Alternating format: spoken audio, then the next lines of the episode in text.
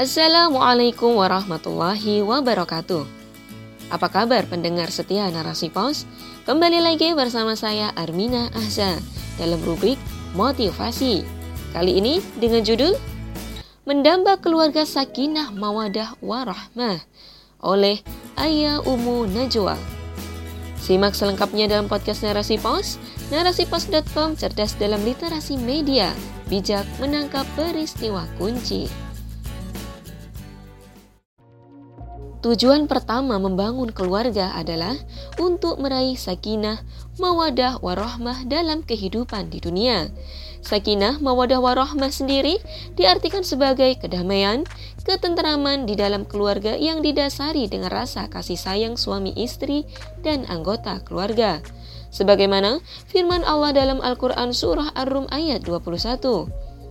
Dan di antara Tanda-tanda kekuasaannya adalah diciptakannya untukmu istri-istri dari jenismu sendiri, agar kamu cenderung dan merasa tentram padanya, dan dijadikannya di antaramu rasa cinta dan kasih sayang. Sungguh, pada yang demikian itu adalah tanda-tanda kemahaannya bagi kaum yang berfikir. Sakinah berasal dari kata litas kuno yang diambil dari ayat di atas. Arti sakinah menurut bahasa adalah kedamaian, ketentraman, ketenangan, dan kebahagiaan. Pengertian sakinah dalam sebuah pernikahan adalah membina sebuah rumah tangga yang penuh dengan ketenteraman, kedamaian, ketenangan, dan selalu berbahagia, saling melindungi, serta suami istri saling menjadi peneduh jiwa. Sedangkan mawadah menurut bahasa berarti cinta atau harapan. Rasa cinta merupakan hal penting dalam sebuah rumah tangga yang harus ada dan selalu ada pada pasangan suami istri.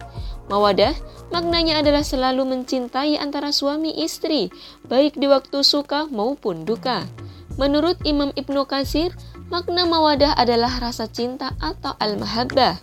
Sementara warahmah dari kata dasar rahmah yang bermakna kasih sayang, yang memiliki kata sambung wa maka warahmah adalah hasil yang diperoleh dari sakinah dan mawadah berupa kasih sayang.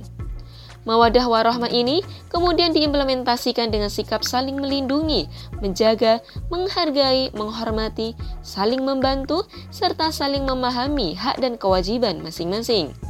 Akan tetapi, sakinah mawadah warahmah hanya akan tercapai ketika fungsi keluarga terlaksana dengan baik. Berbicara tentang fungsi keluarga bukan hanya terkait keluarga muslim saja atau hanya bangsa tertentu saja. Karena keluarga realitasnya bisa diindra, bisa dilihat dan bisa dipahami oleh semua manusia. Secara umum, fungsi keluarga bisa berjalan jika ada institusi keluarga yang terlaksana. Ketika sebuah keluarga sudah dibentuk atau ketika pernikahan sudah sah, ada suami dan ada istri, kemudian ada anak-anak yang lahir, Setidaknya ada delapan fungsi yang harus terlaksana di dalam keluarga agar cita-cita sakinah mawadah warahmah bisa tercapai. Pertama, fungsi reproduksi dalam keluarga. Fungsi ini ditujukan untuk melahirkan atau untuk melanjutkan generasi. Gorisah nau atau naluri seksual yang ada pada pasangan, yaitu pada suami dan istri adalah fitrah dari Allah. Ketika seseorang menikah, baik perempuan maupun laki-laki, maka salah satunya ingin melahirkan generasi yang akan melanjutkan kehidupan manusia berikutnya. Fungsi reproduksi ini, jika tidak berjalan, sedikit banyak akan memengaruhi kesakinahan dalam keluarga. Kedua, fungsi sosial atau interaksi. Bagaimana ada hubungan di antara anggota keluarga, suami dengan istri, orang tua dengan anak, anggota keluarga ke masyarakat, karena keluarga merupakan bagian dari masyarakat. Ia juga harus melakukan interaksi sosial dengan masyarakat. Jadi tidak boleh dalam keluarga tanpa komunikasi. Suami dengan istri tidak ada interaksi, tidak bertemu, tidak ada interaksi yang harmonis. Begitu juga tidak boleh antara orang tua dengan anak saling diam bagaikan perang dingin. Demikian juga dengan masyarakat. Sebuah keluarga yang baik tidaklah mengasingkan diri dari kehidupan masyarakat. Mereka dikenal oleh masyarakat, bergaul dengan mereka, bahkan memberikan kebaikan kepada masyarakat. Ketiga, fungsi ekonomi. Manusia dalam hidup ini mempunyai kebutuhan primer berupa kebutuhan sandang, pangan, dan papan. Keluarga yang baik adalah yang mampu memenuhi kebutuhan anggota keluarganya secara makruf.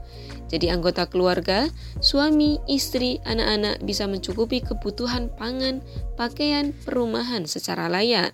Hal ini tentu tidak bisa lepas dari peran dan tanggung jawab negara. Dalam Islam, negara menjamin supaya kepala keluarga bisa melaksanakan tanggung jawabnya dalam memenuhi kebutuhan keluarganya.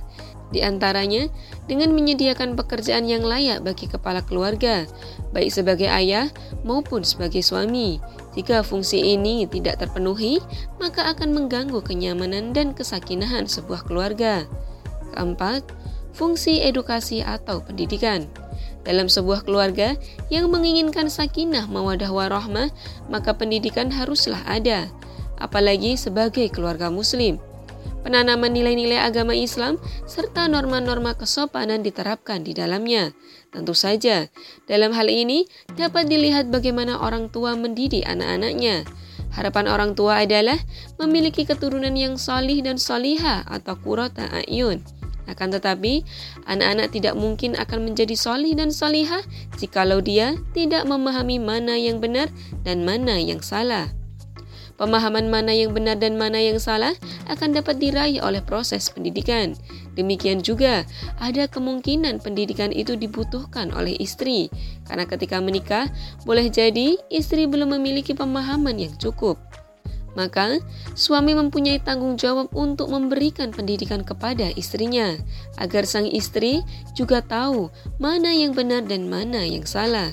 Namun, tidak menutup kemungkinan yang butuh pendidikan itu juga adalah suami, karena mungkin istri lebih dulu faham. Hal itu tidak masalah, sebab di dalam Islam berlaku fastabikul khairat, yaitu bersama-sama berlomba untuk meraih kebaikan. Sehingga boleh jadi yang paham terlebih dahulu terkait Islam adalah istri, suami, atau bahkan anak. Maka merekalah yang menginisiasi pendidikan terhadap anggota keluarga yang belum paham. Kelima, fungsi religi. Inti dari fungsi religi di dalam keluarga adalah bagaimana memaksimalkan peran Islam dalam mengarahkan keluarga pada tujuan berikutnya, yaitu masuk surga bersama-sama. Karena tidak mungkin akan masuk surga bersama-sama tanpa keterikatan pada agama, yaitu syariat Islam upaya menjadikan Islam sebagai center yaitu menjadikan syariat Islam sebagai pengontrol atau pengendali dalam keluarga. Sungguh, tidak mungkin sebuah keluarga akan meraih sakinah, mawadah warahmah tanpa peran Islam di dalamnya. Keenam, fungsi rekreasi, yaitu bagaimana setiap anggota keluarga dapat merasakan kenyamanan, relaksasi, santai, dan sebagainya. Jangan sampai kehidupan keluarga menjadi monoton, membosankan, atau bahkan terjadi konflik secara terus-menerus. Bahkan terjadi ketegangan antara suami istri, anak dengan orang tua, atau antara adik dengan kakak. Sebuah keluarga membutuhkan adanya rekreasi. Namun, rekreasi tak melulu butuh biaya besar atau wisata ke tempat yang jauh dan sulit. Rekreasi bisa terlaksana dan diciptakan di dalam rumah itu sendiri.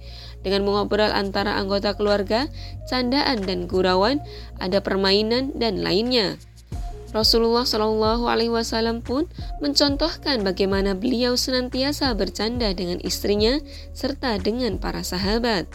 Ketujuh, fungsi afeksi yaitu saling menghargai, mengasihi, mendukung, saling memperhatikan di antara anggota keluarga, sehingga istri merasa dihargai oleh suaminya, merasa dibutuhkan, dimotivasi, disayangi oleh suaminya, dan sebaliknya.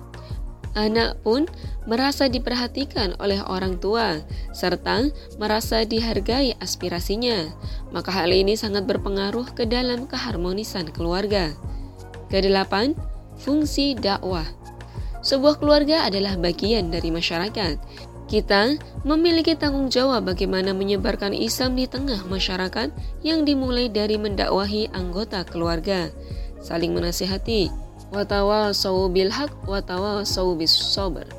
Dari anggota keluarga jika ada yang salah atau lupa, sebagai manusia, wajar jika suami salah, istri salah, pun orang tua bisa berbuat salah.